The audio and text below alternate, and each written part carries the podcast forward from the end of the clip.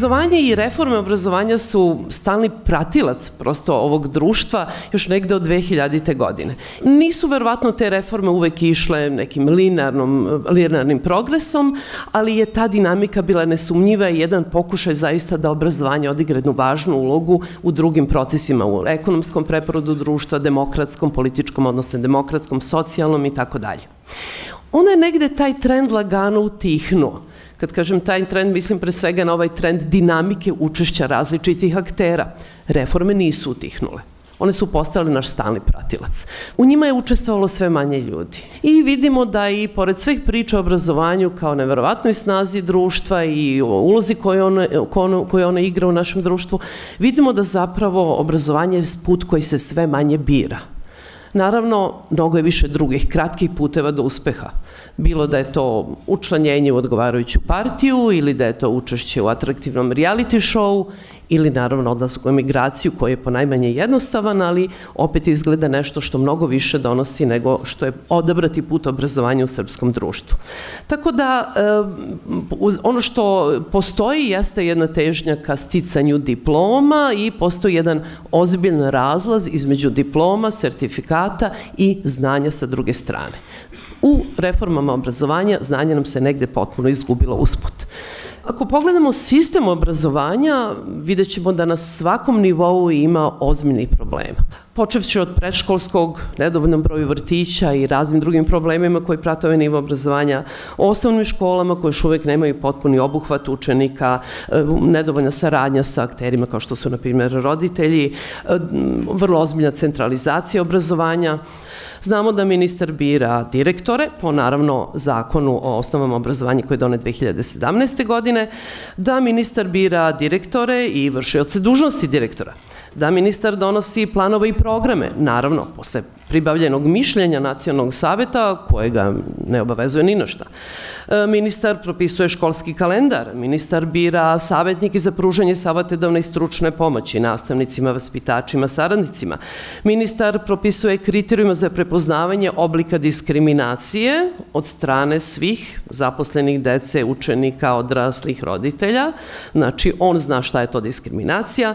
Ministar propisuje uslove o načinu prepoznavanja ponašanja kojima se vređa čast i ugled, dostojanstvo u ustanovi. Ministar određuje načine kako se pruža podrška talentovanim učesnicima, učenicima i sume koje, će, koje mogu biti dodeljene. On određuje uslove za način rada opštinskog saveta roditelja. On određuje učbenike, standarde kvaliteta učbenika. Dakle, jedan superman potpuno.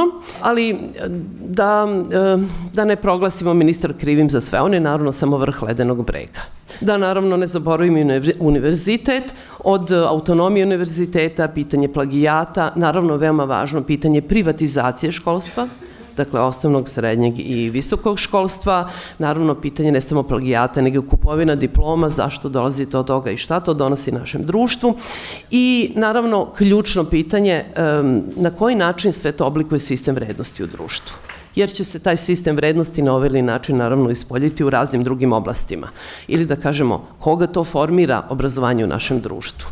Da li um, potrošače ili građane, da li poslušnike ili aktivne građane, da li razvijene ličnosti i kritične mislioce ili prosto sledbenike. Izgleda da mi svakih mesec ili dva dobijemo neku novu aktualnu temu iz oblasti obrazovanja koja onda ili se na brzinu sprovede ili se prosto odloži, onako malo podigne prašinu, priča se o tome, stekne se utisak da se puno toga uradilo, a onda je opet preke prašina. I pored toga i dalje imamo pretrpane škole, pretrpana odeljenja, rad u dve smene, pretrpane programe, pitanje jako problematičnih sadržaja, pitanje autonomije nastavnika, pitanje na koji način, odnosno šta je ono što vodi zapravo naše obrazovanje, da li su to još uvek projekti koji su, kao što znamo, kratkoročni, pa sad posluže da nešto godinu, dve nešto negde usmere, podpomognu, ili su oni umesto kratkoročne pomoći postali glavna ideja vodilja zapravo obrazovanja. Koga i kako vodi i zašto? ko zapravo i zašto i kako kreira našu obrazovnu politiku i pitaću vas pre svega za međunarodne utice.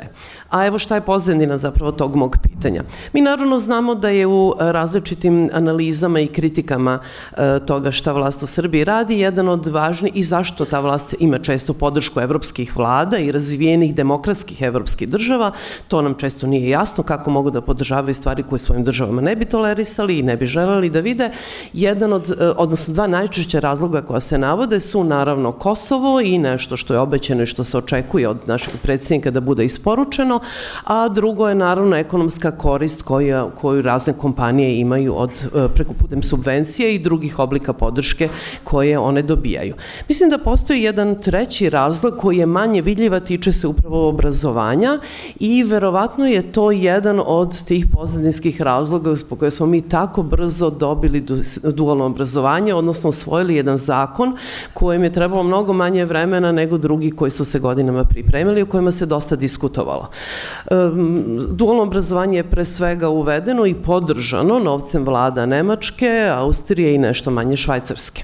Naravno, jedan od prvih odgovora bi verovatno bio, i to je zapravo moje pitanje na, e, za vas, da li je to zaista interes ekonomije, odnosno kompanija koja dolaze ovde i kojima treba to, da se opet citiram, živo meso, e, ali pošto ste vi e, ne samo urednik fabrike knjiga i urednik časopisa reči, pisac, nego i neko ko je na Peščaniku inicirao i aktivno učestvuje i dalje u serijalu tema razgovora o, na, o obrazovanju i neko ko sa redko viđenom kombinacijom strasti i stručnosti bavi, prati teme obrazovanja.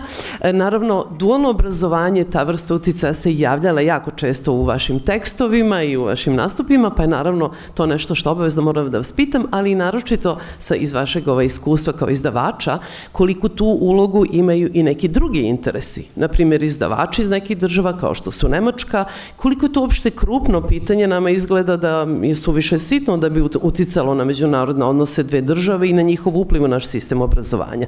Da li to ipak jeste tema? Zašto smo i kako dobili dualno obrazovanje? Zašto se i kako strane izdavači mešaju u našu izdavačku politiku? Naravno, pre svega mislim na, na učbenike i slično i čemu sve to služi? Izvolite. To kad bismo mi znali tačno šta radimo i šta hoćemo i kad bismo mogli mi sami da se dogovorimo oko toga kako bi neke stvari trebalo da izgledaju, onda oni ne bi mogli na taj način da utiču ili bi možda uticali neki način koji bi bio u redu. Moram nešto da kažem i o tome šta je obrazovanje. Ja mislim da na to pitanje mora da se odgovori. Obrazovanje je ono što se mi dogovorimo da je obrazovanje. To je jedan način. Drugi način je da ako nam se ne dozvoljava ili ako nema prostora da se dogovaram, onda onaj ko ima moć da oblikuje obrazovanje, obrazovanje će biti ono što on hoće. Vrlo je jednostavno. U ovom trenutku država se ne dogovara ni sa kim, ono što država hoće da bude obrazovanje, to ćemo imati. To je beskrajno jednostavno. I kada mi imamo ovo što zovemo ministrom obrazovanja, dakle, on može da radi što god hoće. I on bukvalno radi što god hoće, ali najbukvalnije radi što god hoće. Kada ljudi imaju rezervu prema poslu koji rade, kada ljudi u obrazovnim ustanovama smatraju da učestvuju u procesu za koji misle da nema nikakvog smisla, ja moram da ih pitam, a što ste vi i dalje tu? Što radite to? Kako možete da radite posao u koji ne verujete?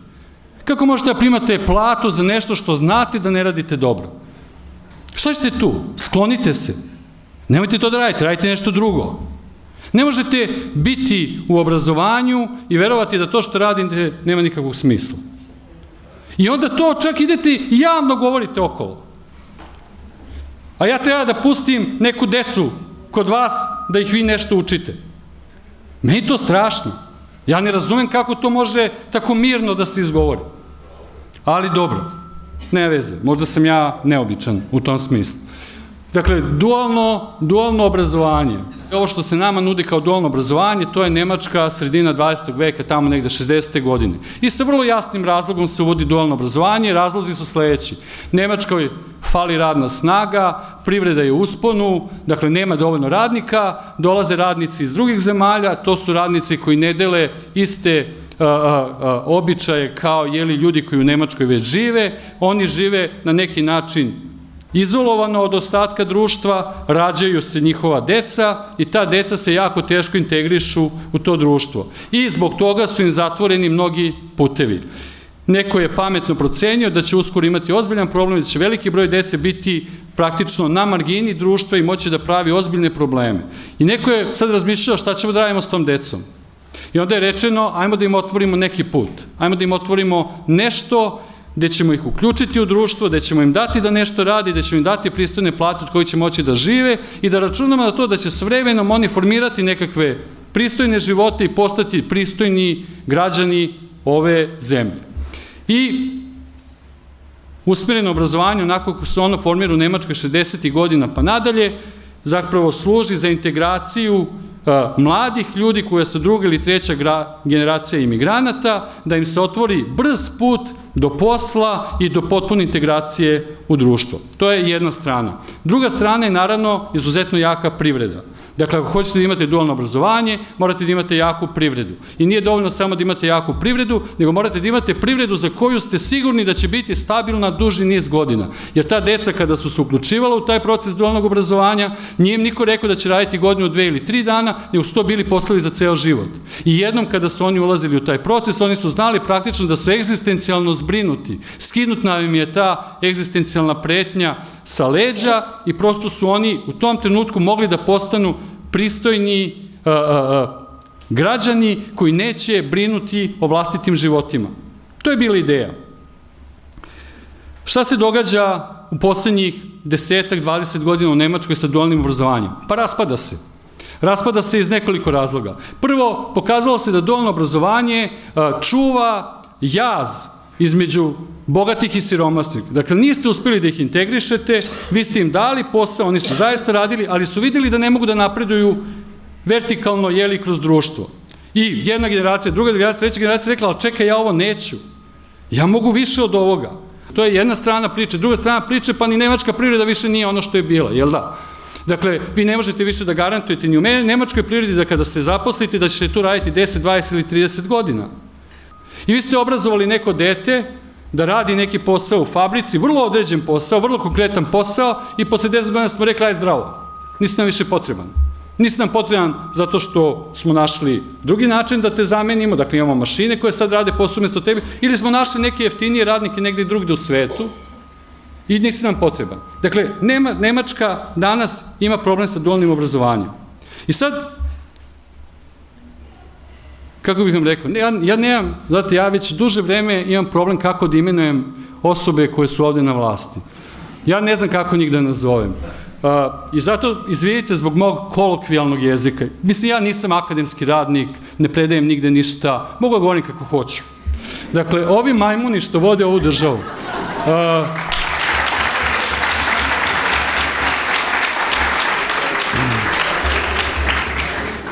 U trenutku kada se raspada sistem, gde se pokazalo da on radi neko vreme, oni taj sistem uvode kod nas. Pazite sad, dakle, rekli smo šta je potrebno. Potrebna je jaka industrija, stabilna industrija i bi imate problem, jedan broj ljudi koji nije integrisan, hoćete ih integrišeti. Šta Srbija danas ima od svega toga? Jer mi imamo neku veliku grupu ljudi koja nije integrisana, ili imamo neku veliku grupu ne Srba. Ono ne Srba što je bilo, to smo očistili. Otirali. Nema. Kakva je naša ekonomija? Je li ona neka stabilna ekonomija koju možete da planirati na 10, 20 ili 30 godina? Kada se vi danas zaposlite, ste vi sigurni da ćete na tom poslu dočekati penziju? Pa ne, niste. Dakle, niste ispunili apsolutno ni jedan uslov ni jedan uslov za uvođenje dualnog obrazovanja. Da ne pričam da dualno obrazovanje u ovim zemljama gde je to radilo, da su se troškovi delili. Pa ste vi imali firme koje su plaćale 50% školi, brinule o deci, davale dece stipendiju, vrlo često smeštaj, Dakle, na razne načine su učestvovali u troškovima obrazovanja. Ovaj naš zakon o dualnom obrazovanju ne podrazumeva nikakvu podelu troškova. Sve troškove na sebe uzima država. Apsolutno sve. Čak onaj ko učestvuje, ta druga strana, ta poslovna strana u tom aranžmanu dualnog obrazovanja ne preuzima obavezu da će dovesti proces obrazovanja do kraja. To imate u zakonu. Onaj ko je sklopio dogovor sa školom da se deca obrazuju za zanimanja u toj firmi, nema obavezu da završi do kraja taj obrazovni proces. U zakonu ne postoji klauzula da deca koja završe to moraju da se zaposle u toj firmi. To ne postoji. Nema. Ne postoji obaveza da se plaća taj rad. Dakle, ne samo da ne plaćate školu, ne samo da ne plaćate ljude koji ih obučavaju, ne samo da niste preuzeli obavezu da dovršite taj obrazovni proces, ne samo da niste preuzeli obavezu da, da, da, da, da tu decu zaposlite kada to završe, nego zapravo ni toj deci kada to rade ne plaćate ništa. Kako bih vam rekao? Ja to ne razumem. Kako mi to prihvatimo tako mirno? Jel da? Jeste se pitali nekad? Kako se to dogodi? Znate zašto se to događa? Zašto mi imamo savršeno obrazovanje. I koga, ko vam god kaže da je naše obrazovanje u krizi, laže vas. To nije tačno. Druga laž je da je naše obrazovanje u stalnim promenama. Nije tačno. To su sve prividne reforme, to su sve lažne reforme. Sve se radi da stvari ostane ovakve kakve jesu. Da se ništa ne promeni. Zašto? Zato što naše obrazovanje savršeno služi onome koga oblikuje. Savršeno. U nekoj drugoj zemlji, sa malo drugačijim obrazovanjem, kada majmoni poput Vučića, odnosno ne Vučića, on je vrhovni majmon, nego ovi, ovi, ovi drugi, ovaj Vesić i Vulin, kada ta dva kretena kažu da će štrajkovati glađu, u zemlji koja ima normalno obrazovanje, njih ne bi sklonili sa tih funkcija, nego bi oni bili odmah hospitalizovani. Ali ako će Vesić, Vučić, Vulin, Šačević da se dogovaraju kako će da izgleda ovde obrazovanje, onda će oni izgledati tačno tako, da oni mogu da izgovore šta god hoće, da urade šta god hoće i da se ne dogodi apsolutno ništa. I onda sad mi možemo da se pitamo da li naše obrazovanje je dobro ili loše i možemo da se pitamo čemu oni služi. Ja mislim da je iz njihovog ugla odlično i mislim da služi tome da dobijete apsolutno poslušne ljude koji smatraju da ništa nema smisla, da nikakav angažman nema razloga da se preduzme, da ništa u životu ne može da se uradi, da je uvek neko drugi jači od vas. To vas nauču u školi. Ništa od toga nije istina. Ništa. Ali vas to nauču u školi. I to vas dobro nauče u školi. Odlično vas to nauče u školi. I onda oni mogu da rade šta god hoće. I sve u redu. E, to, tako ja vidim obrazovanje.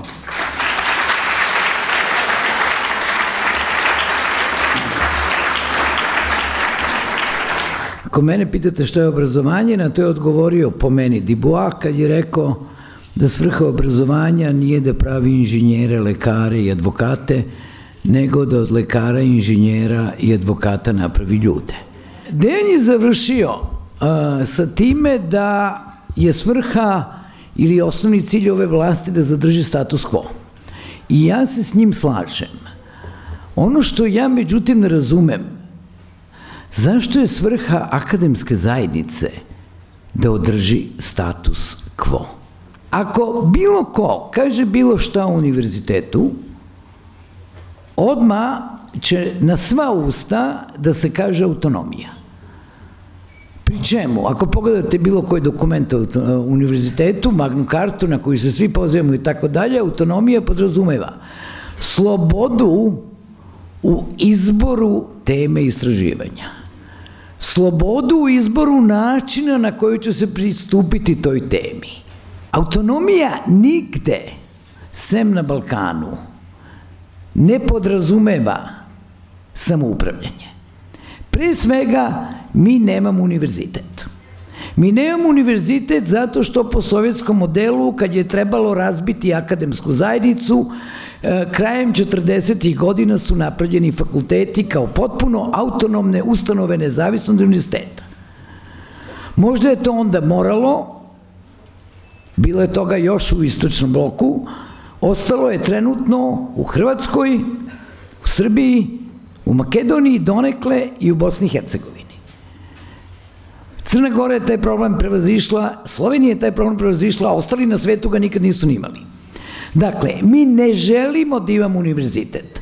Zašto ne želimo da imamo univerzitet? Zato što onda ne bi mogli da imamo 30 malih bogova u vidu 30 dekana i tri puta po 30 još malo manjih bogova u vidu 90 prodekana i svih ostalih funkcija, nego bi imali rektora, prorektore kao i sav ostali svet i drugi bi izgubili moć.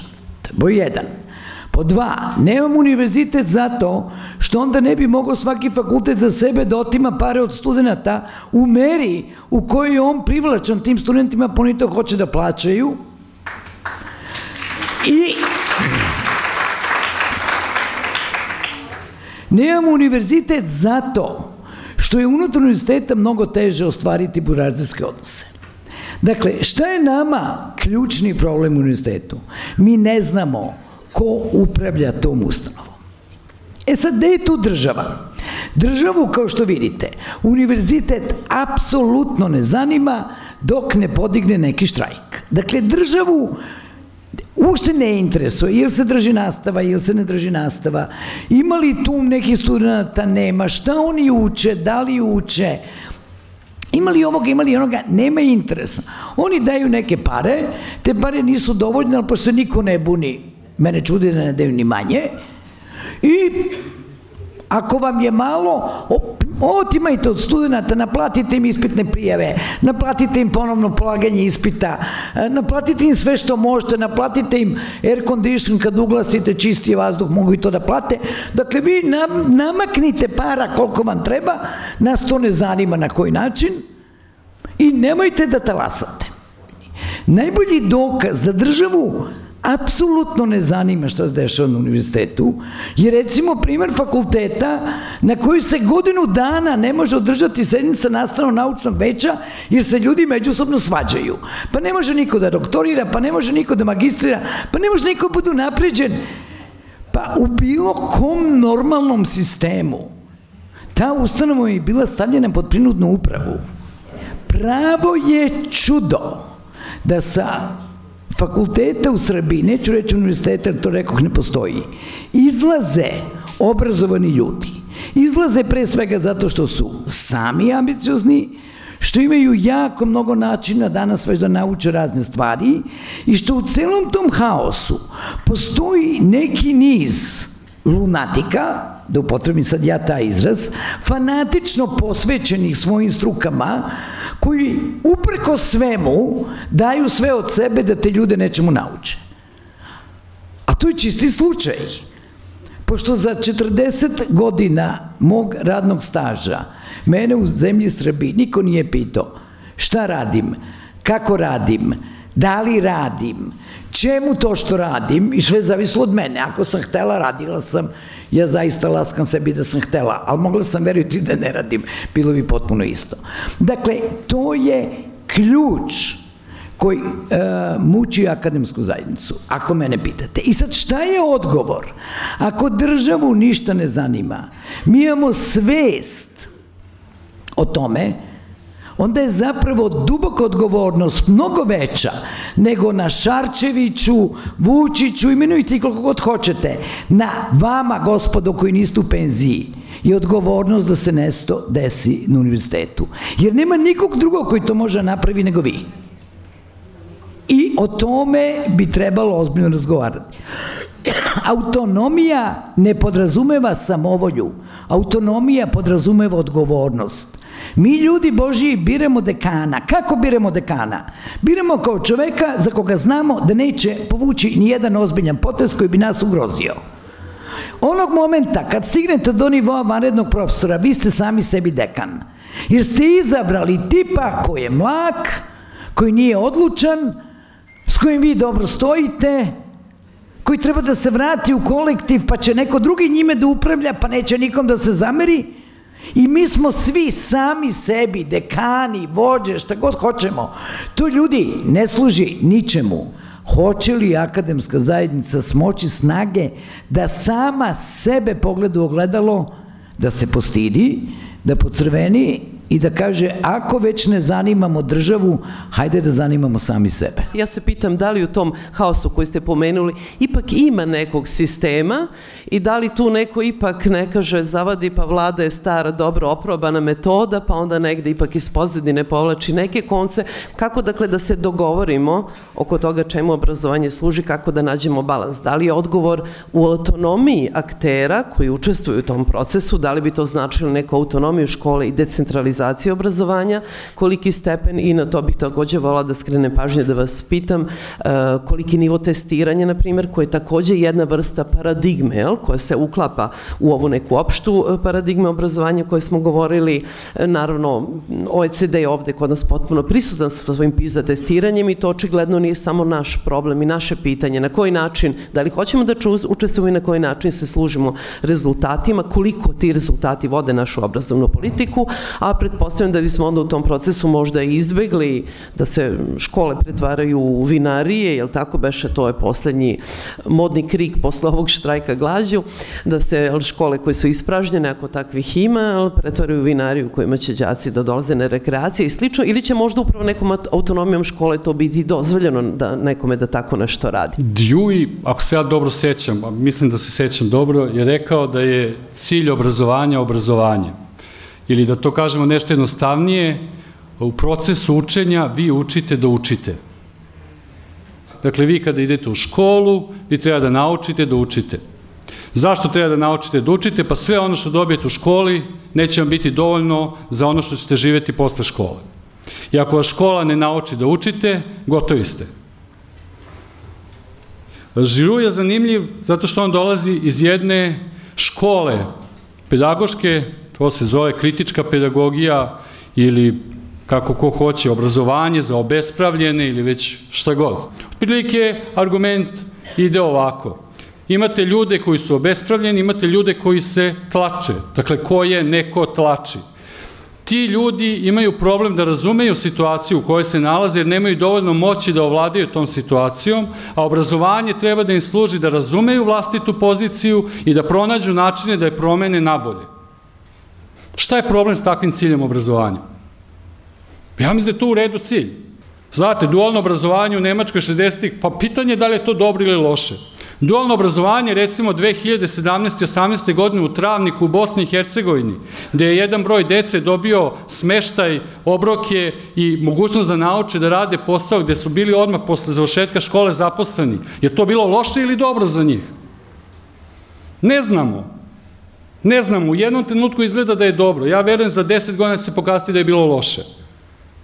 Ali ne možete da odgovarate izvan konteksta na to čemu nešto služi. Dakle, morate da imate jasan kontekst. Meni se ova vrsta kritičkog obrazovanja jako dopada. Jako vidim čitav niz problema tu. Ali, znate, ako vi, ako vi obrazovanje shvatite kao niz znanja i umeća, da razumete svet oko sebe, da uđete u pregovaranje sa drugima koje, sa kojima delite taj svet i da svi zajedno pravite bolje mesto od tog sveta. Šta je tu problem? Dakle, ocenjivanje. A, a, ovo je sad, da stvarno, teško vam kaže ministar, a, ministar obrazovanja, a, otprilike za ocenjivanje, on kaže, on kaže, on kaže ovako, mi ćemo da testiramo decu, svako dete pojedinačno, ćemo da testiramo. I onda ćemo da utvrdimo dokle ta deca dobacuju. I onda ćemo da vidimo na kraju godine kakve ocene su ta deca dobila.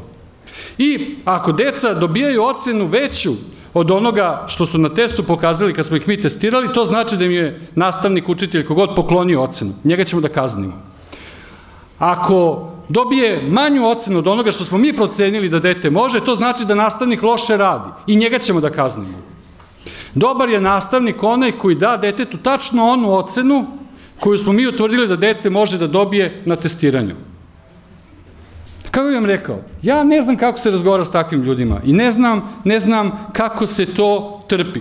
Vi imate ključni događaj, ključni događaj koji se dogodio u našem obrazovanju poslednjih nekoliko godina je bilo lomljenje štrajka prosvetnih radnika pre par godina.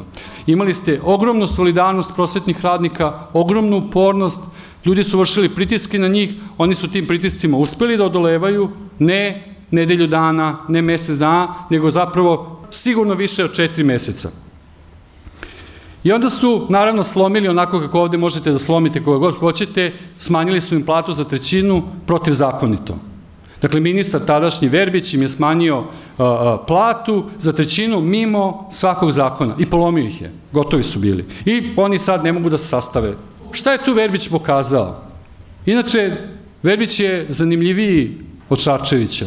Zanimljiviji je zato što je bio dovoljno naivan da je verovao da može nešto da uradi onako kako on misli da može da se uradi, ne onako kako mu se kaže da uradi, pa kad je shvatio da to ne može, a umeđu vremenu je polomio prosvetne radnike, slomio njihov štrajk, jer je on bio to lice vlasti prema njima i on je taj koji im je smanjio plate, on je donosio te odluke, on je pregovarao sa njima. Sećate se kad je odlazio, on je napisao jedan tekst, ni manje ni više nego ga je objavio u Ninu, što je jako zanimljivo, ovaj, napisao je tekst protiv dualnog obrazovanja. Sve što sam vam ja ispričao o dualnom obrazovanju, to je on rekao u tom tekstu. Zašto je važan ovaj, ovaj, ovaj štrajk prosvetnih radnika? Zato što je to bila prva prilika gde su ljudi mogli da sednu i da se dogovore svi zajedno kako će da rade i šta će da rade. Nisu štrajkovali samo zbog plata, što mi se odli obično pripisuje. Štrajkovali su i zbog toga kako se donose programi. Štrajkovali su zbog toga kako se radi sa decom. Štrajkovali su i zbog toga kako se uopšte kontroliše njihov rad. Dakle, čitav niz pitanja je bio na stolu. To je bila idealna prilika i oni su dugo izdržali da se sedni da se razgovara. Ali ovde nema razgovora. Poruka koja nam se šalje i, kod, i kroz obrazovanje i kroz politički sistem je nema razgovora. Ja sam jači i bit će onako kako ja kažem. Naš zakon o obrazovanju strukturira škole kao vojne jedinice. I to nije preterivanje. Ja nisam sad, ne pravim metaforu. Do, doslovno tako. Šta je važno? Vi znate da u vojci postoji taj sistem subordinacije, da ne mogu ja kao neko ko je niži u tom rangu da govorim nekome gore kakve su posledice njegove komande. To ne postoji u vojsci. Isto tako i u obrazovanju. Ne postoji ni jedan mehanizam koji ovaj zakon poznaje, da ljudi koji rade u školama pošalju informaciju nazad i kažu kako se to što se neko na vrhu odlučio, kako se to realizuje i kakvi su rezultati toga. To da vi osnažite ljude koji zaista rade posao i da im date mogućnost da razgovaraju o svom poslu sa, onome koji, sa onima koji im propisuju šta će da radi. Da kaže, znate, vi ste nam ovo propisali, nije to baš najbolje. Evo mi imamo neke predloge kako bi to moglo da izgleda drugačije. To ovaj zakon ne poznaje. I taj štrajk prosvetnih radnika je bio za neko vreme verovatno poslednja mogućnost da se to promeni. Nije se promenilo, morao je da bude slomljen, morao je da bude slomljen i onda smo dobili Šačevića. Da se vratim ja na moju osnovnu poentu. Mi imamo obrazovni sistem koji treba da vas obeshrabri, da razmišljate o tome gde živite, da razmišljate o tome zašto vam je loše i da odustanete od svake mogućnosti da pomislite da bi to moglo da se promeni. Svako u toj hijerarhiji, koga gazi ona iznad, može da gazi onog ispod sebe. I svoje frustracije zbog onoga iznad kompenzuje jeli življavanjem na onome ispod sebe. I to se događa i na fakultetima, to se događa u školama, to se događa svuda. I vi kupujete ljude. Kupujete ih tako što igrate na njihove niske porive, niske strasti, postičete ono što je njima najgore i održavate sistem. I to je prednost ovih koji su sada na vlasti u odnosu na nas. Ja, kada razgovaram sa vama, ja apelujem na vaše vrline.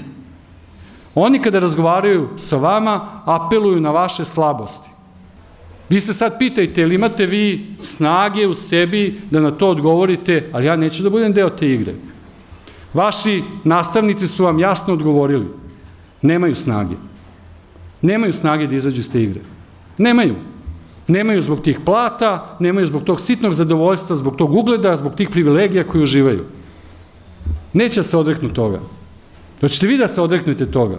Vi sad mislite, hoćemo, naravno, kako da ne, ti smo, mi smo ta generacija, mi ćemo, pa nećete. Nećete. I meni je žao. Znate, gde su studenti četiri meseca? Gde? Gde su studenti da zatvore fakultete? Četiri meseca. Gde? Je vam super ovde? Odlično vam je. Sve je dobro. Neki ljudi šetaju ulicama, baš ih briga. Jeli? Nemaju pametnije postane šetaju. A vi idete redovno u školu. Slušate, polažete ispite. Šta hoćete? Da završite što prije da bežite odavde. Super, odlično. Ali ne možete svi da pobegnete. Verujte mi na reč, ne možete svi da pobegnete. Šta ćete onda? I gotovi ste. Gotovi ste, već ste ušli u tu njihovu priču. E, to je naša škola.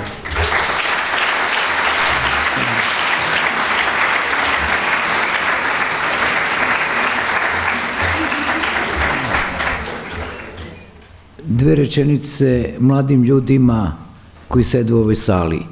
niste ni za šta krivi, radite upravo ono što radite, završite školu i onda odlučite šta ćete sa svojim životima.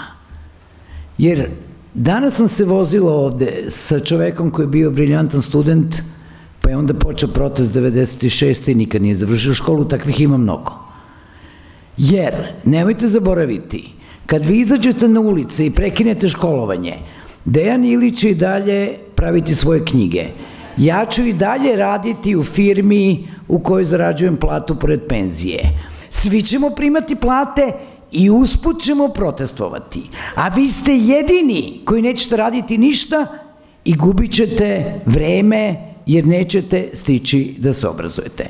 Prema tome ja vas molim, bavite se sobom dok ne sazrete i ne odrastete da preduzmete nešto. Dakle, ostavite onima koji su punoletni i zarađuju za život da uređuju državu, a vi se osposobite da počnete da radite ono što želite. Evo, to je moj naj e, iskreniji savet, a vi ćete, ni, ali su neosposobljeni za život za razliku od vas i od mene. Samo nešto vam kažem. Ajmo, ajmo ovako. Ajmo ovako. Dakle, sve, ovo je, ovo je, ovo je najpošteniji savjet koji ste mogli dobiti i hvala vam za ovo što ste rekli. Ali ajmo sad da idemo unazad. Vi treba da završavate školu zato što je to važno i zato što morate da završite na vreme. Jel tako? To je vaš ulog za život. Ali gledajte sad, vi morate da idete u školu da završite što pre. To znači da vaši nastavnici ne mogu da štrajkuju. Jer ako oni štrajkuju, ugrozili su vaše pravo da završite školu što pre. Dakle, odma otpada ceo jedan segment društva bez prava da štrajkuje. Je tako? Pazite, vi ste punoletni, pa vi snosite odgovornost za odluku koju ste doneli. Hajmo sad osnovne i srednje škole. Nisu punoletni. Jel smeju nastavnici u osnovnim i srednjim školama da štrajkuju? Smeju po zakonu. Ne, ne, ali iz vašeg ugla, sa vašim argumentom. Jel smeju da ugraze decu Jeli, da, da, da će da završe školu na vreme, da će izaći s neki znak. Smeju, ne smeju očigledno, jer važi isti argument kao i za vas. Potpuno isti argument. Na fakultetu ima 12.000, ja mislim, 10-12.000 zaposlenih, u školama radi negde oko 110.000 ljudi. To znači već imate nekih 100 i nešto hiljada ljudi koji nikad ne smeju da štrajkuju. Nikad. Ajmo sad dalje. Vi imate ljude koji rade za plate, kojima hrane svoju decu. I kada štrajkuju, neko kaže, važi, nema više plate za tebe. Ni za tebe, ni za tvoje dete, ni za koga više nema ništa. I šta taj čovjek da radi? Da ide da štrajkuje ili ne? Pa naravno da neće da štrajkuje, jer ista logika važi kao što važi i za vas. On nema pravo da ugrozi vlastiti život i nema pravo da ugrozi život svoje dece. Dakle, ista je logika i logika je ispravna. I baš zato što je ispravna, Zato neko može da nas ucenjuje ovako kako nas ucenjuje. Vi možete da se držite ove logike, ali onda nemojte da se žaliti na ovaj sistem. I možete da kažete rizikovaću, rizikovaću, pa ću da vidim šta će da bude. To je neizvesno, ali život je neizvesan. I nije tačno da imate briljantne studente koji su zbog štrajka propustili da završe školu i ne znam šta su postali, vuci batine, nemam pojma šta je postao taj čovjek, a pretpostavlja da je nešto radio, ako je bio toliko pametan, nešto je smislio da radi. Imate ljude koji su napravili genijalne karijere u studijenskim protestima. Na jedan od njih je Dragan Đilas. Drugi je Čedomir Jovanović. Isto, na protestima čovjek napravio karijeru. Ja vama ne kažem, daleko od toga da trebate da budete Dragan Đilas ili Čedomir Jovanović. To vam sigurno ne bi savjetovao. Ali vodite računa, kad imate ovako ispravne argumente, koje su posledice tih argumenta. I ponekad vas neko zapravo dovede u poziciju egzistencijalne ugroženosti, tako što će vam izneti apsolutnu istinu i sve će biti logično što vam kaže. I onda se pitate šta ćete onda.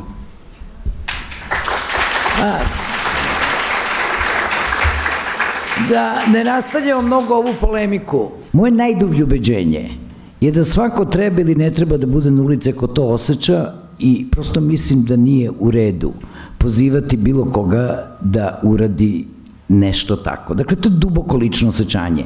Ne mislim da treba prezirati one koji ne protestuju, lično i ne obožavam one koje protestuju, mogu da ih razumem, ali prosto zaista mislim da nije u redu uticati na ljude da rade ovo ili ono.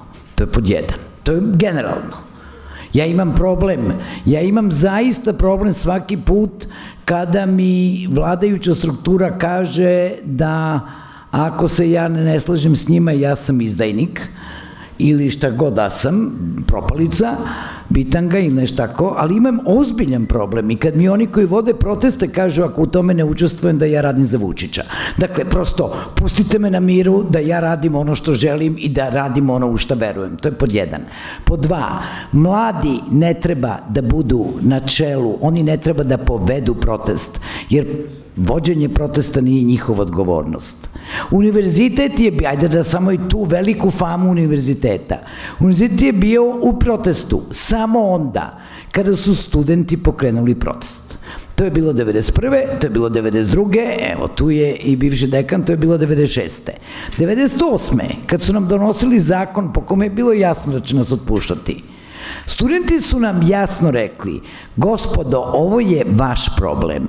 Pobunite se, a mi ćemo vas podržati.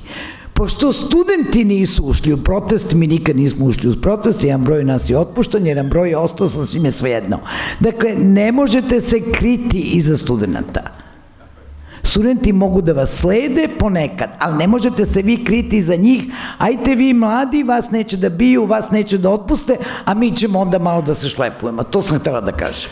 Dve stvari, dve stvari bih hteo da kažem. Prvo, nemojte pogrešno da me razumete. Ja vas nisam podbunjivao. Ja sam vam rekao, imate izbor i živite sa posledicama svojih izbora. Druga stvar, postoji hiljadu razloga, dobrih razloga, Srbijanka rekla jedna od njih, da se na ove proteste ne izlazi. I najveći broj razloga ide na dušu opozicionih jeli, čelnika koji su iz nekog razloga prisvojili taj protest. Na nama, koji se sa njima ne slažemo je da procenimo kada, kada izađemo na protest, dajemo podršku njima, a to ne želimo, a kada šaljemo poruku da ne želimo da živimo u zemlji kako izgleda ova zemlja u kojoj mi živimo. I to je zaista procena svakog od nas. Morate da budete odrasli, morate da budete zreli i morate da razmišljate. Žao mi je. Stvarno morate. I onda donosite odluke. Niko ne može da vam kaže šta da radite. Šta je problem sa našom školom? Što vas ne uči da razmišljate na taj način. I to je problem. To je problem.